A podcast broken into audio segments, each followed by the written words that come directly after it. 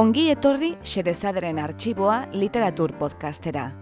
Podcasta hau egiten dugu, saioa gabikago geaskoak, jasone larrinagak eta Ana Moralesek Bilbo iria irratiko estudioan.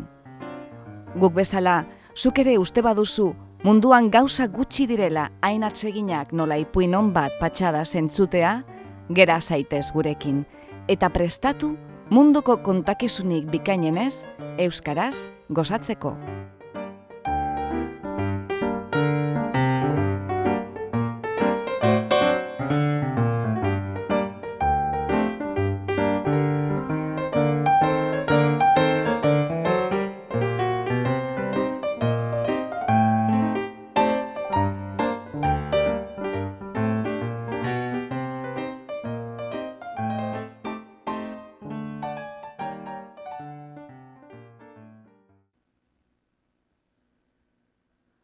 Gaur, Xerezaderen arxiboan, Igerilaria.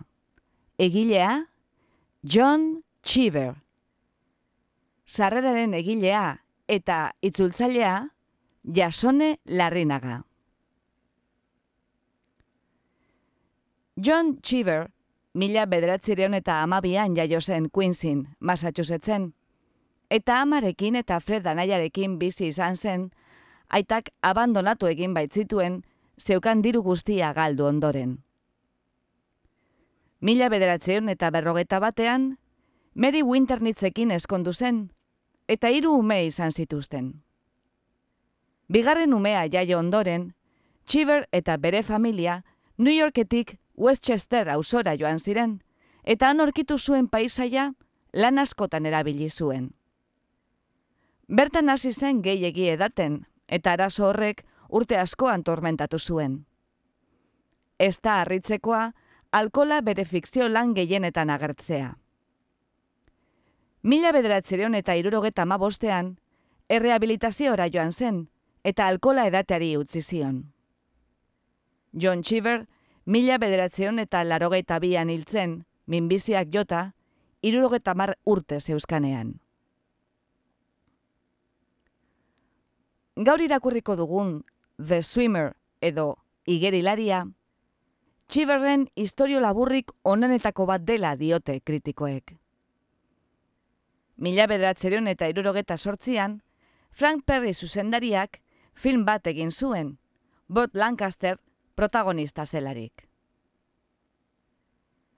Udako igande arratsalde batean, Nedi eta Lucinda Merrill eta Helen eta Donald Wester Hazy azken horien igerilekuaren ondoan daude eserita, biara muna azkexatzen. Hala ere, denak ari dira edaten. Nedi, gazte eta indartzu sentitzen da. Etxera joateko, konderriko igerilekuetan igeri egitea erabakitzen du. Aurretik dauzkan igerilekuetaz eta bere zain dauden lagunetaz pensatzen du. Nedi Merrilek familia perfektua, gizarte maila altua, etxe ederra eta arazo gutxi dauzka. Lagun asko dauzka, eta mundu privilegiatu honetan daukan posizioari esker, igerileku batetik bestera joan daiteke, gonbidapenik gabe, ziur baitago ondo etorria izango dela. Gauza zatarrik badago nediren munduan, ez ikusiarena egiten du. Ez da gizon gaiztoa, ez horixe. Baina ez du bizitzaren alde desatsegina ikusi nahi, eta horixe izango da, azkenean, bere galbidea. Igerilaria. Egilea, John Cheever. Itzultzailea, Jasone Larrinaga.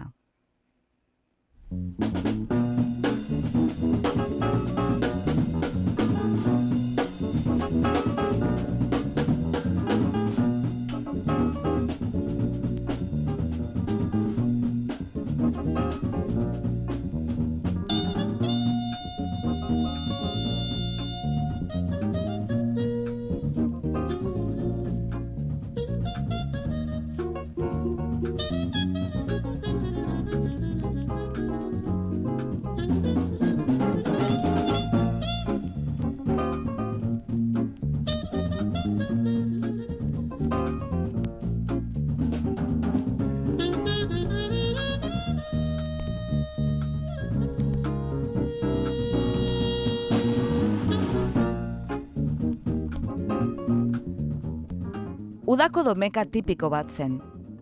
Mundu guztia eseri eta esaten duenean, gehiegi edan nuen bart. Entzun zenezakeen, Elizatik ateratzen zirenek horixe xuxurlatzen. Entzun zenezakeen apaizaren beraren espainetan, sotanarekin borrokan ari zela arropategian. Entzun zenezakeen golf zelaietan eta tenis kantxetan. Entzun zenezakeen erreserba naturalean, non odu bontaldeko buruak biaramun itzela zeukan. Gehiegi da nuen, esan zuen Donald Westerhazik. Denok edan genuen gehiegi, esan zuen Lucinda Merrilek. Ardoa izango zen, esan zuen Helen Westerhazik. Ardo gorri gehiegi edan nuen.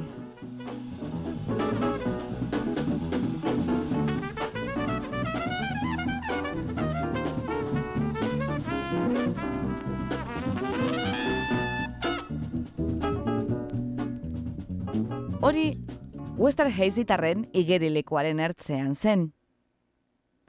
Burdina eduki handia zeukan putzu artesiar batek ornitzen zuen igerilekua, eta berde argia zen. Egun ederra zen. Mendebaldean, kumulo odeien multzo handi bat zegoen. Distantziatik, gerturatzen ari den itsasontzi baten brankatik, ikusten den hiri baten hain antzekoa, ezen izena ere izan zezakeen. Lisboa, Hakensak. Eguzkiak berotu egiten zuen. Nedi Merrill urberdearen ondoan eseri zen. Esku bat uretan, baso bat ginebra bestean. Gizon lerdena zen, bazirudien gaztaroko lerdentasun berezia zeukala. Eta gaztea izan ez arren, Goiz hartan barandaren gainean irristekin zuen bera jaisteko eta sarrerako mai gaineko brontzesko afroditari ipurdiko bat eman zion. Eta gero, jangelatik zetorren kafe usainerantz joan zen. Udako egun batekin aldera zitekeen gizonura. Batez ere, eguneko azken orduekin. Eta tenis erraketarik edo marine elpoltsarik espazeukan ere, ematen zuen irudia benetan gaztearena, kirolarena eta eguraldi barearena zen. Igerian ibili zen eta orain arnaz estua eta sakona zeukan, bere birikekin une horretako osagai guztiak, eguzkiaren berotasuna, bere plazeraren intentsitatea, irentzi balitzake bezala. Bazirudien, dena isurtzen zela bere bularrean. Bere etxea, bolet parken zegoen, sortzi mila egoaldera. Bertan egongo ziren bere lau alaba politak, baskaltzen eta agian tenisean jokatzen. Orduan otu zitzaion, ego mendebalderan zeginez, uretatik heldu zitekela etxera. Ez zuen sentitzen bere bizitzak giltzaperatzen zuenik, eta ohar horretan hartu zuen atsegina, ezin zen azaldu iradokitzen zuen iesarekin. Bazirudien kartografo baten begiekin ikusten zuela igerelikoen lerro ura. Konderrian zehar okertzen zen ia lurraspiko korronte ura. Aurkikuntza bat egin zuen, geografia modernorako ekarpena. Korronteari, Luzinda izena ipiniko zion, emaztea bezala. Etzen txantxazalea eta etzen inosoa, baina originala eta ausarta zen, eta bera figura entzutetzua zelako ideia lauso eta apala zeukan. Eguna ederra zen, eta iruditu zitzaion, igerik eta luze batek edertasunura handitu eta ospatu zezakeela. Sorbalden gainean zintzilik zeukan jartzea kendu eta uretan sartu zen. Mespretsu ulergaitza sentitzen zuen igerilekoetan salto egiten ez zuten gizonen gatik. Kroz sakarrean egiten zuen igeri, Besakada bakoitzean edo lau besakadaz behin arnasa hartuz, eta bere buruaren leku sakonen batean, bat, bi, bat, bi, kontatuz, zangoen oldarrarekin batera. Etzen distantzia luzetarako besakada erabilgarria, baina igerik eta etxekotu zenean, kirolori zenbait oituraz bete zen, eta munduaren alde honetan, krola ohitura zen.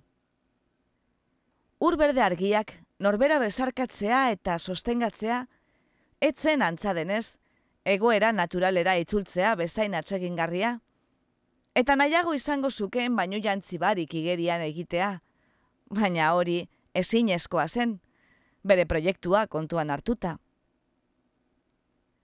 Beste aldeko ertzera igo eta irten zuen.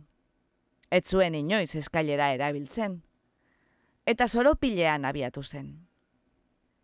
Luzindak nora zijoan galdetu zionean, etxeraino igeri egingo zuela esan zion. Gida modura zeuskan mapa eta plano bakarrak, gogoan zeuskan, edo irudizkoak ziren, baina aski argiak ziren. Lehenengo zeuden Grahamdarrak, Hammertarrak, Liartarrak, Hollandarrak eta kroskuptarrak. Didmar kalea gurutzatuko zuen bankertarren etxera joateko, eta gero, bidearen zati labur bat oinez egin ondoren, Libaitarrak, Welchertarrak eta Lancasterreko igerileku publikoa. Gero, Halorandarrak, Zashtarrak, Biswangertarrak, Shirley Adams, Jill Martindarrak eta Klaetarrak. Eguna ederra zen, eta urez hain eskuzabal ornitutako mundu batean bizitzeak, bioz beratasuna onginaia zirudien. Bere bihotza asaldatuta zegoen eta belarretan egin zuen lasterka. Etxera esoiko bidetik joateak, erromesa izatearen sentsazioa eman zion. Esploratzailea, patua zeukan gizona, eta bazekien lagunak aurkituko zituela bide osoan. Lagunek beteko zituzten Luzinda Ibaiaren ertzak. Wester Hazitarren lurrak eta Graham darrenak banatzen zituen esia zeharkatu zuen. Zagarrondo loratu batzuen azpitik pasatu zen, pumpa eta iragazkia gordetzeko etxola igaro zuen, eta Graham darren igerilekuan agertu zen. Hau paneri, esan zuen Graham Andreak. Hau bai, sorpresa bikaina. Zuri telefonoz deitzen ibili naiz goizo zuan. Zaude, edari bat ekarriko dizut. Orduan ikusi zuen, edo zein esploratzailek bezala, bertakoen ohitura eta tradizioa begitzuei diplomaziarekin egin beharko ziela aurre, inoiz elmugara iritzi nahi bazuen. Ez zituen grahandarrak nahaztatu nahi, edo haiekin lotzagabea izan nahi, baina ez zeukanan lusatzeko astirik. Igerilekua luzetara zeharkatu zuen, eta haien ondora joan zen, eguzkitan. Minutu batzu geroago, konektikateko lagunez beteta zetozen autobik erreskatatu zuten.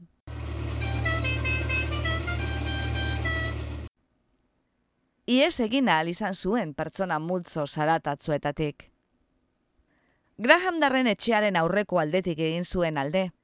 Eskai arantzadun baten gainetik igaro zen, eta oru behuts bat zeharkatu zuen, hamertarren eraino. Hamer Andrea, bere larrosetatik burua altxatuz, igerian egiten ikusi zuen, baina ez zegoen oso seguru norrote zen. Liartarrek, egongelako lehio irekien azpitik zipri zapla pasatzen entzun zuten jaulantarrak eta kroskaptarrak ez zeuden etxean. Jaulantarren etxetik irten zuenean, Didmar kalea gurutzatu eta bankertarren etxerako bidea hartu zuen. Urruntxo egonarren, jai baten zarata entzuten zuen bertan.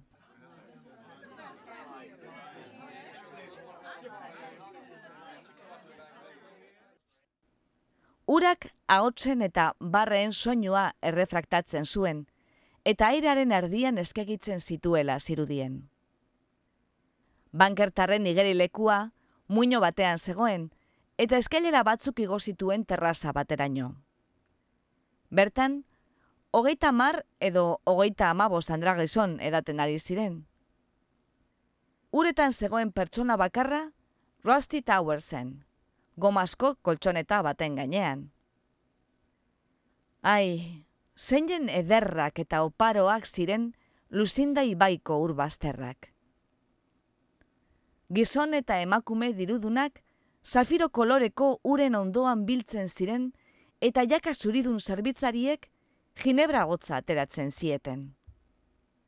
Zeruan, de Haviland markako egazkin bat, entrenatzeko modelo gorri bat, bueltaka eta bueltaka zebilen. Ume batek txinbo batean daukan posaren antzeko zerbait erakutsiz. Nedek maitasun iragankorra sentitu zuen esena horren inguruan. Bildutako enganako samurtasuna. Ukitu zezaken gauza balitz bezala. Urrunean, trumoia entzun zuen.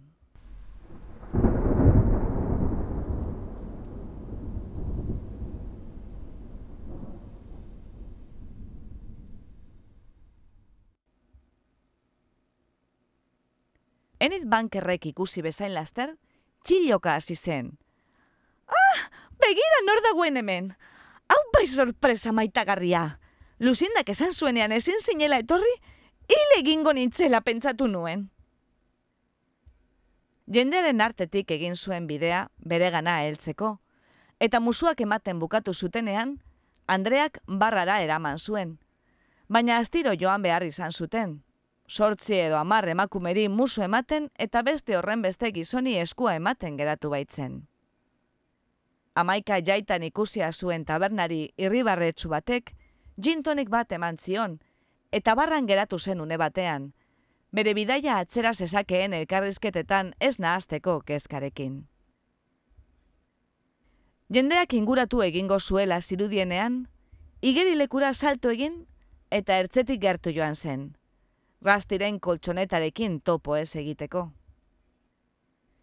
Igerilekoaren beste aldean, Tomlinson darren ondotik igaro zen irribarrean dei batekin, eta lorategiko bideskatik joan zen korrika. Arrik irriek oinak zauritzen zizkioten, baina hori zen gauza desatzegin bakarra. Festa igerilekoan zen, eta etxera hurbildu ala, haotzen soinu distiratsua eta urtsua ahuldu egin zen, eta bankertarren sukaldetik zetorren irrati baten zarata entzun zuen. Baten bat, beisbol partida entzuten ari zen. Dome arratsaldea. Aparkatutako autoen artetik igaro, eta sarrerako bideskaren ertz belartzutik joan zen Alewives kalera. Ez zuen nahi inok errepidean baino jantziarekin ikusterik, baina ez zebilen autorik, eta libaitarren zarreraino zegoen distantzia laburra egin zuen.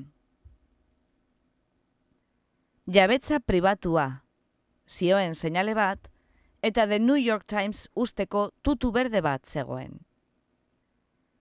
Etxe handiko ate eta leio guztiak zabalik zeuden, baina ez zegoen inoren seinalerik. Txakurrik ere etzen zaunkaka entzuten. Etxea inguratu zuen igerilekura joateko, eta ikusi zuen libaitarrak zuela gutxi joan zirela. Edalontziak eta botilak eta fritu lehorrez betetako platerak zeuden mai baten gainean, sakonean. Etxola edo estalpe batean, Japoniako kriseiluak zintzilikatzen ziren. Igerilekuan igeri egin ondoren, edalontzi bat hartu eta edari bat atera zuen. Laugarren edo bosgarren kopa zen, eta luzinda ibaiaren ia erdia egina zuen.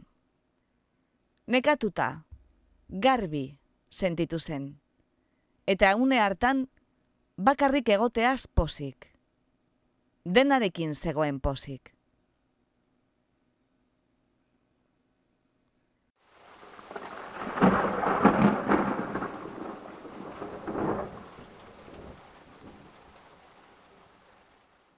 Ekaitza zekarren. Kumuluen multzoa, iriura, altuago eta beltzago zegoen. Eta beraan eserita zegoen bitartean, trumoiaren perkusio hotza entzun zuen berriro.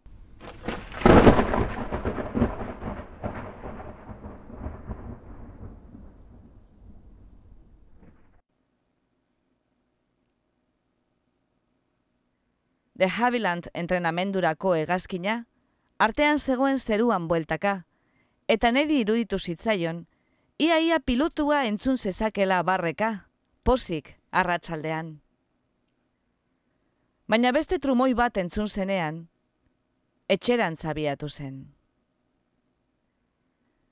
Tren baten txilibituak jo zuen eta ze ordu ote zen galdetu zion bere buruari.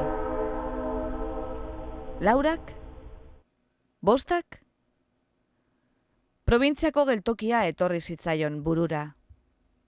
Ordu horretan, zerbitzari bat, esmokina gabardina baten azpian eskutatuta, ipotx bat, egunkarian bildutako lore batzuekin, eta negarrez aritu izandako emakume bat, aldiriko trenaren zain egongo ziren. Bapatean, iluntzen ari zen. Une horretan, badirudi txori kokoloek kantua antolatzen dutela ekaitzaren hurbiltasunaren onarpen soli eta jakintzu moduko batean. Gero, ualdi baten zarata ahul bat izan zen. Atzean zeukan aritz baten adaburutik, txorrota bat zabaldu izan balitz bezala.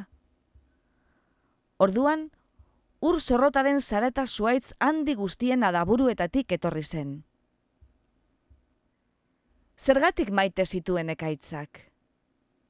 Zein zen bere zirradaren esanaia atea brastakoan zabaltzen zenean eta euria izea eskaileretan gora zijoanean itxumustuan, zergatik zirudien egokia eta presaskoa etxe zahar bateko lehioak zarratzeko atasa simpleak. Zergatik ekaitza izearen lehen nota urtsuek, albiste honen, postasunaren, berri alaien soinu berezia zeukaten berarentzat. Gero estanda bat etorri zen, bolboraren usaina, eta euriak kriselu japoniarrak astindu zituen, Libai Andreak urte bete lehenago erosi zituenak, ala urte bilenago izan zen. Libaitarren estalpean geratu zen ekaitza igaro arte. Euriak airea freskatu zuen eta dardaraka zegoen. Euriaren indarrak osto gorri behilegiak kendu zizkion astigar bati, eta belararen eta uraren gainean sakabanatu zituen.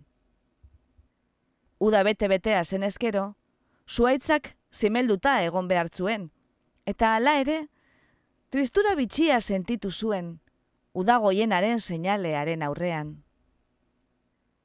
besoak flexionatu, edalontzia ustu, eta hueltxertarren igerilekurant zabiatu zen.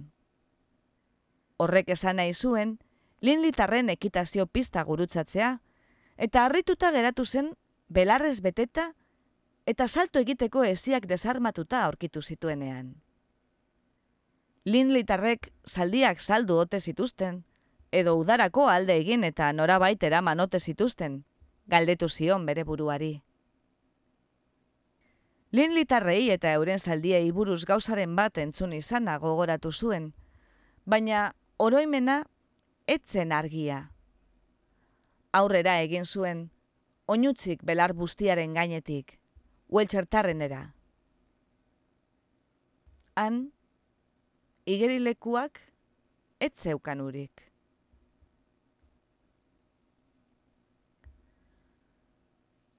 Bere urkatearen utxark etxipen absurdoa ekarri zion. Eta esploradore baten moduan sentitu zen, iturburu oparo baten bila da bilenean, eta korronte lehorra aurkitzen duenean. Desengainatuta eta dudatzu zegoen. Oso ohikoa zen udan alde egitea, baina inoket zuen igerilekua usten. Argi zegoen, Welchertarrek alde egin zutela. Igerilekuko altzariak plegatuta, pilatuta, eta olana batekin estalita zeuden. Aldatzeko etxolako batea, giltzaz itxita zegoen. Etxeko leio guztiak zarratuta zeuden, eta aurreko sarrerako bideskara joan zenean, salgai zioen kartela ikusi zuen, zuaitz bati hiltzatuta.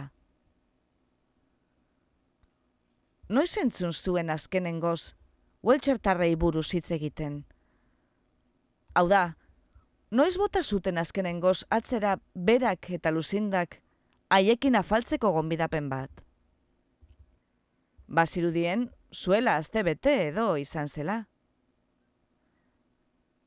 Bere oroimena utz egiten ari zen, ala oroimen hori hainbeste trebatu zuen gertakari gogaikarriak itotzeko, egiaren zentzua ere ondatu egin zuela. Orduan, tenis partida baten soinua entzun zuen urrunean.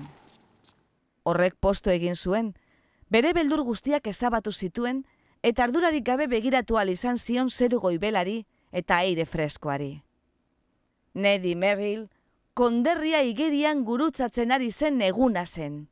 Egun norixe. Bidearen zatirik zailenari ekin zion. Domeka horretan, arratsaldean paseo bat ematera irten bazina, han ikusteko aukera izango zenukeen. Ia ia bilutzik, lau bi lau errepideko bazterbidean zutunik, gurutzatzeko unearen zain. Galdetu zenezakeen broma gaizto baten biktima ote zen, bere autoa ondatu egin ote zen, edo beste barik soroa ote zen. Oinutzik errepidearen zakar multzuen gainean, garagardolatak, trapuak eta kurpil lehertuak, mota guztietako isekak jasotzeko moduan, errukarria zen. Hasi zenean, bazekien hori ibilbidearen zati bat zela, bere mapetan zegoen. Baina autoek udako argian zeharka meharka egiten zituzten joan etorrien aurrean, ez zegoela prest konturatu zen.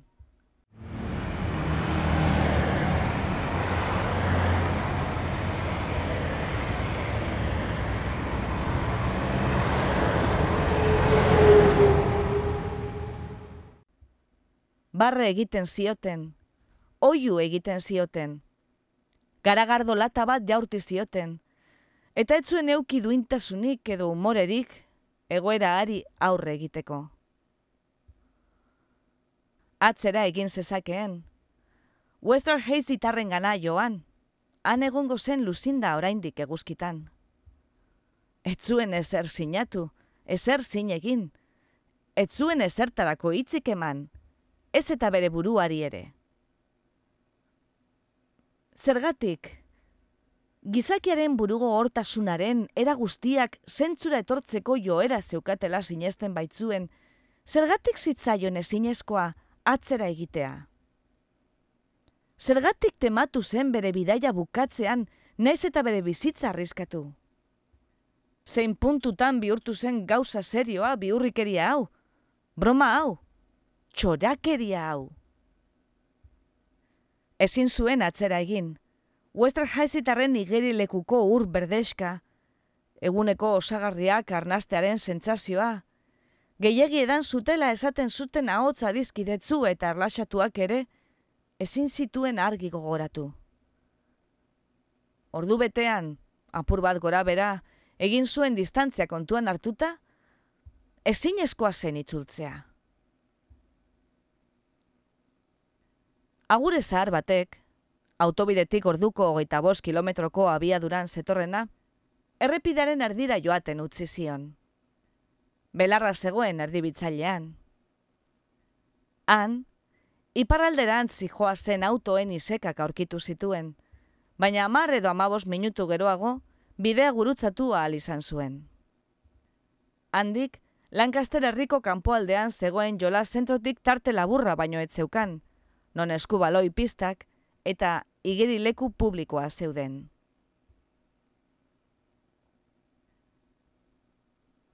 Uraren eragina ahotsetan, tiztiraren eta ziurgabetasunaren ilusioa, berdinak ziren hemen eta bankertarren etxean, baina mengo soinuak nabarmenagoak, sakarragoak eta sarkorragoak ziren. Eta jendez betetako esparruan sartu bezain laster, arauekin egin zuen topo. Igerilari guztiek dutxatu egin behar dute igerilekura sartu baino lehen. Igerilari guztiek oinak garbitu behar dituzte igerilari guztiek identifikazio plaka eraman behar dute. Dutxatu egin zen. Oinak disoluzio arre eta mingotz batean garbitu zituen, eta ur bastarrerantz joan zen. Kloroaren kiratsa zeukan, eta arraska baten itxura hartu zion. Soros lebik, dorretxo banatan, polizia txilibituak jotzen zituzten, tarte erregularretan antzazenez, eta igerilariak iraintzen zituzten bosgorailoetatik.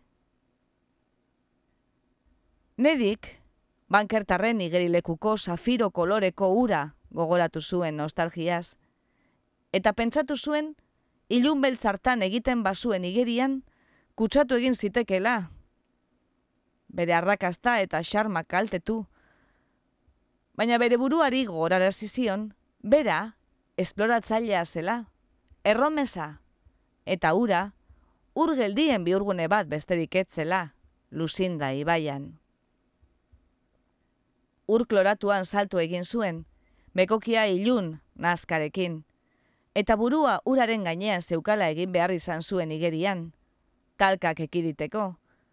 Baina hala ere, jendeak tupust egin zuen berarekin, zipristin du egin zuten, eta bultza egin zioten. Sakonera gutxeneko ertzera heldu zenean, soros lebiak zeuskan oiuka. E, zu, identifikazio plaka ez daukana, irten uretatik. Irten zuen, baina ezin izan zioten jarraitu, eta eguzkitarako krema eta kloroaren kiratza zeharkatu zuen, burdin asko ezia igaro eta eskubaloi pistak atzean utzi zituen. Errepidea gurutzatu zuenean, jalorandarren jabetzako arboladian sartu zen. Ez zituzten zazia kendu, eta oinez joatea arriskutzua eta zaila izan zen, soropilera eta igerilekua inguratzen zuen pago mostuen eskaira, heldu zen arte. Jalorandarrak lagunak ziren, adineko bikotea, oso aberatsa, eta gozatu egiten zuten komunistak izan zitezkeen susmoarekin. Erreformista gogotzuak ziren, eta ez komunistak, baina subertzioa leporatzen zietenean, ala gertatzen zen batzuetan, bazirudien posa hartzen zutela eta zirrara eragiten ziela.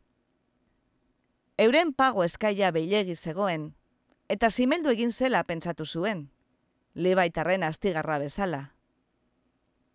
Kaixo, kaixo! esan zuen, jalorandarrei hurbiltzen ari zela abisatzeko, euren intimitatearen inbazioa arintzeko.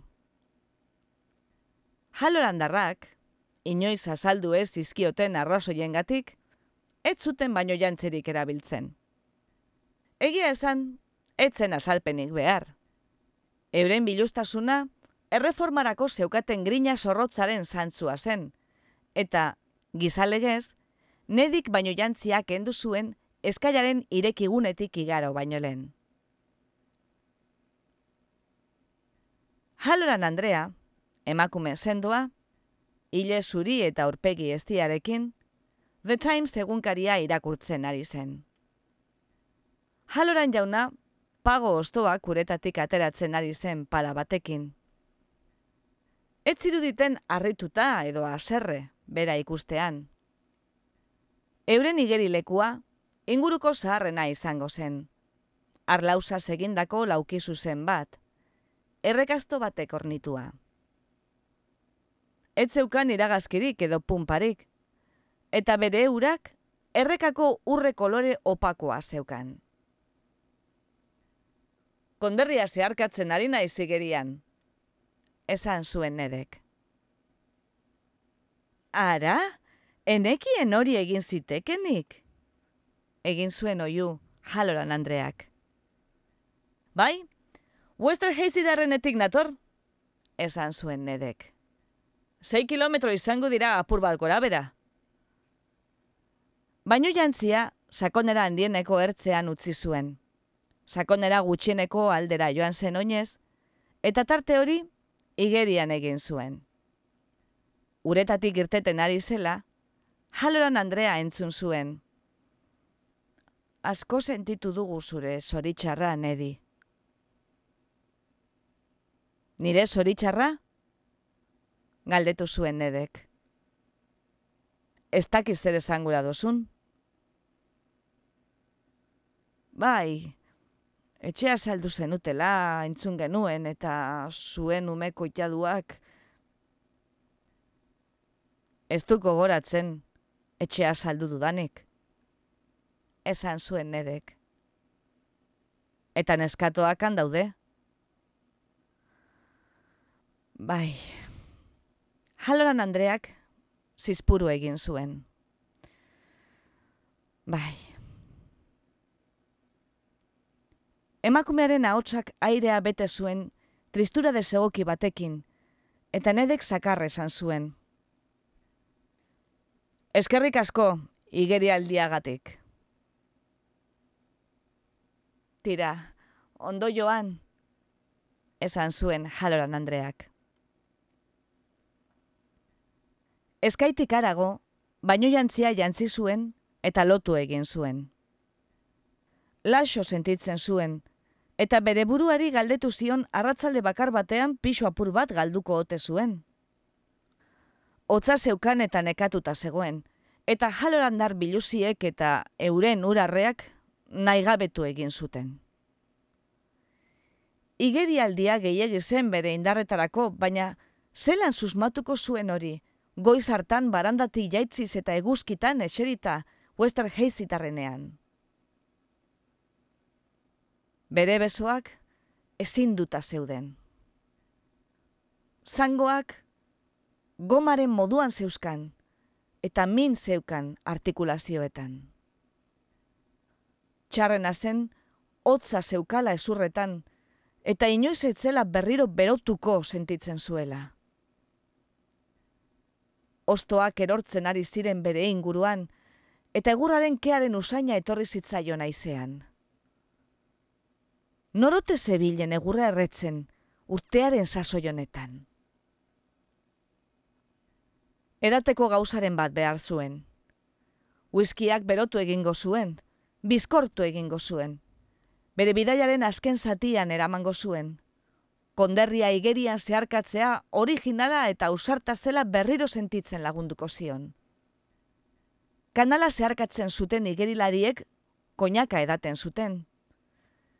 Suspergarri bat behar zuen. Halolandarren etxearen aurreko zelaia gurutzatu, eta bide estu batetik joan zen Helen euren alaba bakarraren zat, eta Edik Sash zenararen zat, etxea egin zuten lekuraino. Sash tarren igeri lekua, txikia zen, eta Helen eta zenarra bertan aurkitu zituen. Oh, Nedi! esan zuen Helenek amaren etxean bazkaldu duzu? Ez, egia esan, esan zuen nedek. Baina ikusi ditu zure gurasoak.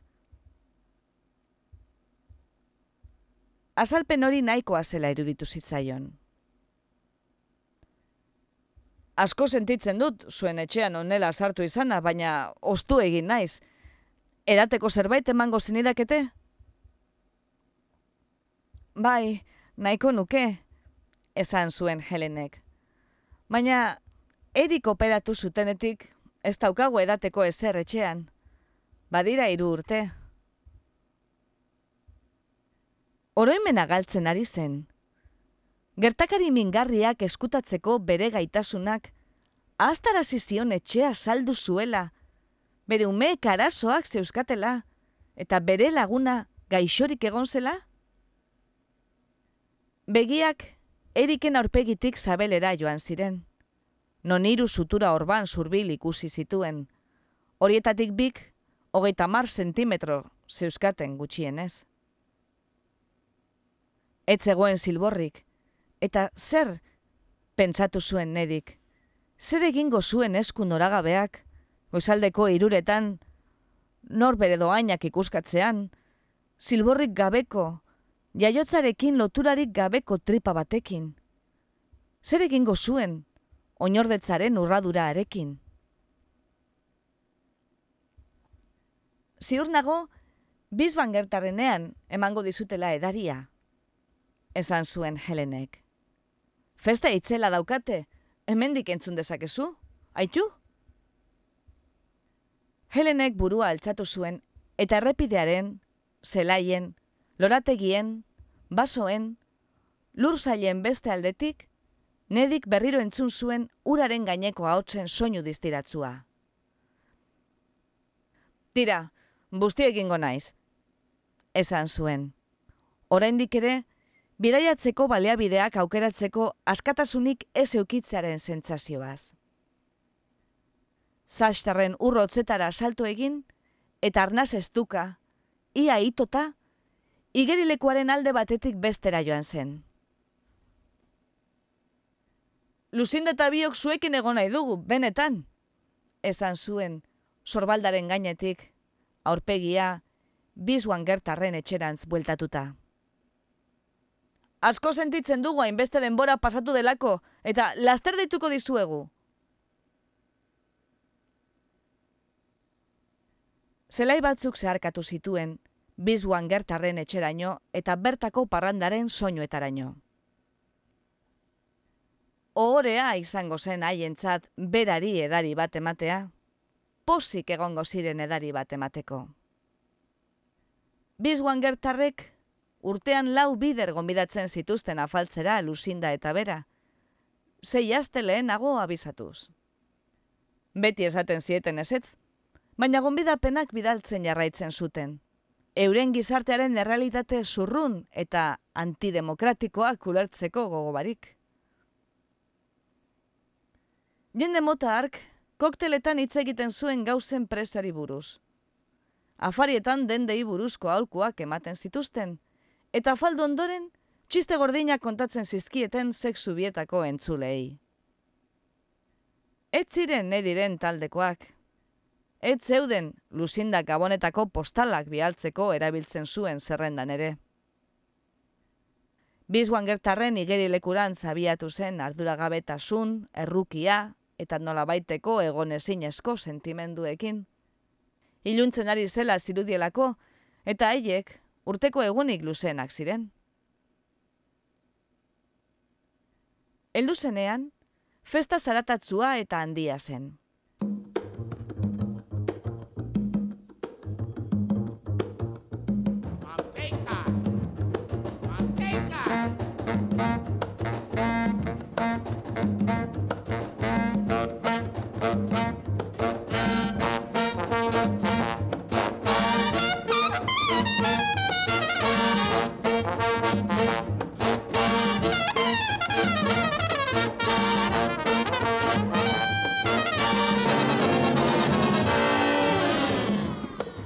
Optikaria, albaitaria, igesinen agentziako jabea eta dentista gonbidatzen zituen anfitroia zen Grace Biswanger.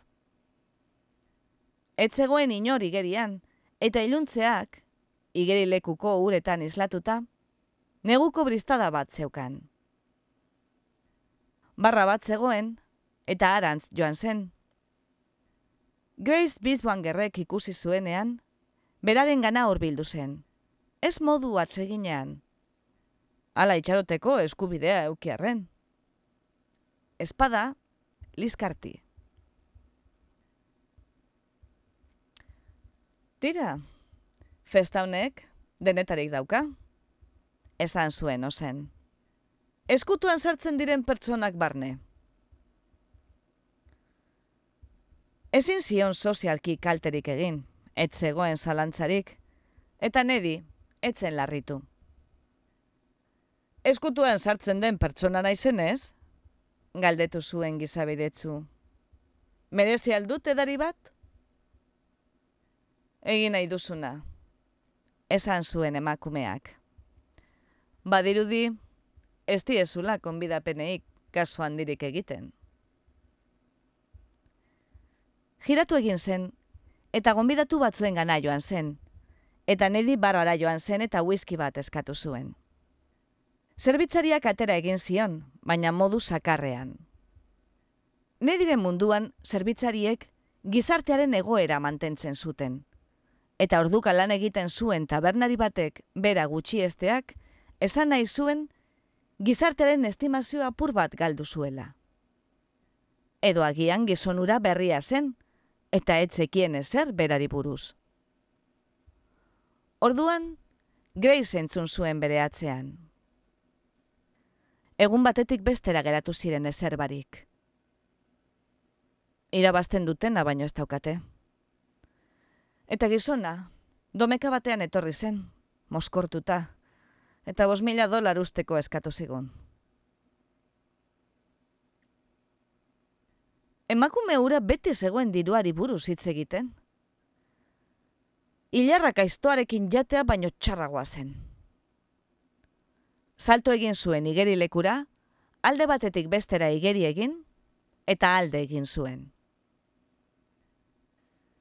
Bere zerrendako urrengo igerilekua, azken irugarrena, antzinako bere maitalearen zen, Shirley Adamsena. Bizbuan gertarren etxean zauritu egin bazuten, hemen sendatu egingo zen. Maitasuna, liskar sexuala egia esan, elixir gorena zen, minak entzekoa, bere pausura adorea, eta bere bihotzera bizitzeko posa berriro ekarriko zuen pilula koloretzua. Afera izan zuten aurreko astean, aurreko hilean, aurreko urtean. Ezin zuen gogoratu. Nedik utzi zuen harremana. Bera nagusitu zen. Eta bera sartu zen emakumearen igerilekua inguratzen zuen hormako atetik, bere buruaren ganako konfiantza besterik ez zeukala. Neurri batean, bazirudien bere igerilekua zela.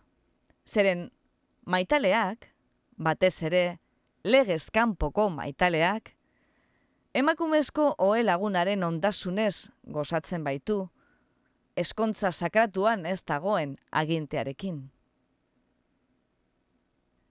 Emakumea antzegoen, ilea brontze kolorekoa, baina haren figurak ur argitzu eta zeru kolorekoaren ertzean, etzion oroitzapen sakonik ekarri. Etzen afera serioa izan, pentsatu zuen. Baina emakumeak negar egin zuen berak kontua bukatu zuenean. Emakumeak karrituta zirudien ikusi zuenean, eta nedik bere buruari galdetu zion artean minduta ote zegoen. Jainkoak gorde dezala, berriro negar egin gote zuen. Zergura duzu, galdetu zuen konderria igerian zeharkatzen ari naiz. Jainkoaren, elduko zara noiz noiz. Zer getatzen da? Diru bila etorri bazara, esan zuen emakumeak. Ez dizut zentimo bat gehiago ere emango. Edari bat eman diezadakezu. Egin ezake baina ez dut egingo. Enago bakarrik. Ondo da, banoa. Uretan murgildu eta igerilekuaren luzera egin zuen. Baina ertzaren gainetik irteten alegindu zenean, konturatu zen etzeu kala indarrik besoetan eta sorbaldetan, eta eskailerara zipli zapla joan zen, eta gora egin zuen. Sorbaldaren gainetik begiratuz, gizon gazte bat ikusi zuen argiz betetako aldagelan. Zelei ilunera heldu zenean, urrelilien edo hilenen usaina hartu zuen. Udagoieneko lurrin tematsua, gaueko airean, gaza bezain zendoa. Gora begiratu zuen eta izarrak agerian zeudela ikusi zuen. Baina zergatik ikusten zituen Andromeda, Zefeus eta Kasiopea. Zer gertatu zitzaien uda erdiko konstelazioei? Negarrez hasi zen. Seguruenetik, heldua zenetik negar egiten zuen lehen aldia izango zen. Eta, benetan, bere bizitzan hain triste, hotz, nekatuta eta turdituta zegoen lehen aldia. Ezin zuen ulertu zerbitzariaren zakartasuna, edo beragana belauniko joan eta prakak malkoekin bustizizkion maitale baten zakartasuna luzaro egian egin zuen igeri, luzaro egian egon zen uretan, eta sudurra eta estarria urratuta zeuskan. Orduan txe behar zuena, edari bat zen, lagun artea, eta arropa garbi eta lehorrak, eta errepidea gurutzatuz zuzenean joan zitekeen arren etxera, Jill Martin darren igerilekura joan zen han, bizitzan lehenengoz, salto egin beharrean, eskaileretatik jaitzita sartu zen ur izostuan, eta agian, gaztetxoa zenean ikasitako bezu erdiko bezakada itxura bakoak egin zituen. Nekatuta, albo-alboka joan zen kraitarren etxera, eta haien igerilekoaren luzera, zipli zapla egin zuen behin eta berriro atseden hartzeko geratuz, eskua ertzean jarrita. Eskailera igo zuen eta bere buruari galdetu zion etxera heltzeko indarrik zuen ala ez. Nahi zuena egin zuen, konderrian zehar egin zuen igeri, baina hain nahaztuta zegoen akidurarekin, bere arrakastak lausoa baitzirudien. Okertuta, eziko zutoinei oratuta, bere etxeko sarrerako bidean gora joan zen. Lekua ilun zegoen.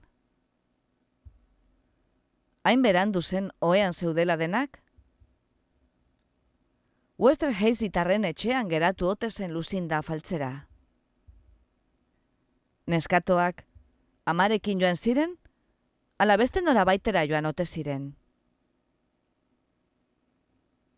ez zituzten, domeketan egin oizuten moduan, gonbidapen guztiak atzera bota eta etxean geratu.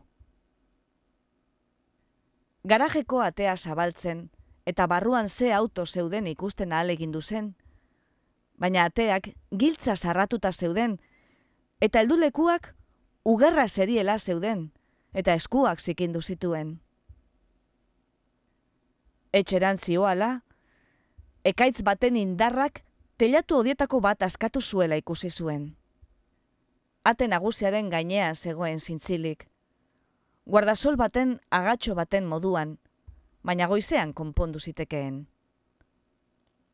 Etxea giltza sarratuta zegoen, eta pentsatu zuen, sukaldari kokolak edo neskame memelak giltza zitsiko zuela dena.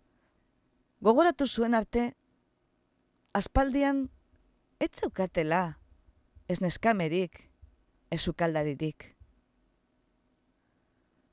Oiu egin zuen, atea apurtu beharrean jo zuen, sorbaldarekin zabaltzen saiatu zen.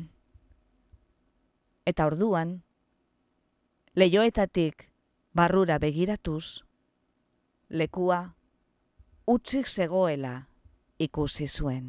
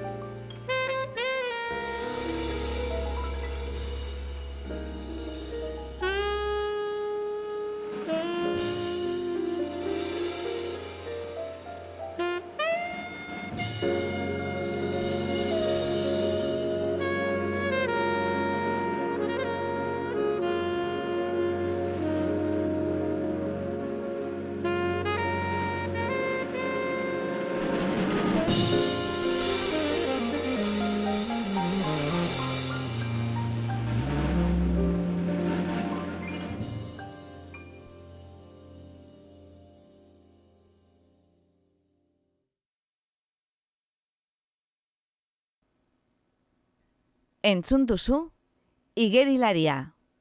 Egilea, John Cheever. Zarreraren egilea eta itzultzailea, Jasone Larrinaga.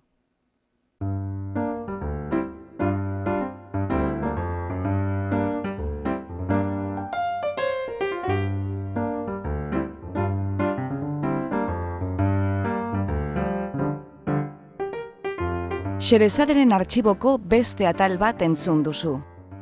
Gure doinoa da, Charleston Behind the Attic Door, Dance of the Winds taldearena. Efektuak freesoundetik hartuak dira. Iru ubebikoitz, puntua, freesound, puntua, org. Podcast hau egiten dugu, saioa gabikago geaskoak, jasone larrinagak eta Ana Moralesek Bilbo iria irratiko estudioan. Mila esker gurera hurbiltzeagatik. Gustora egon bazara, etorri urrengo batean berriz ere, xedezaderen artxiboa literatur podcastera. Laster arte!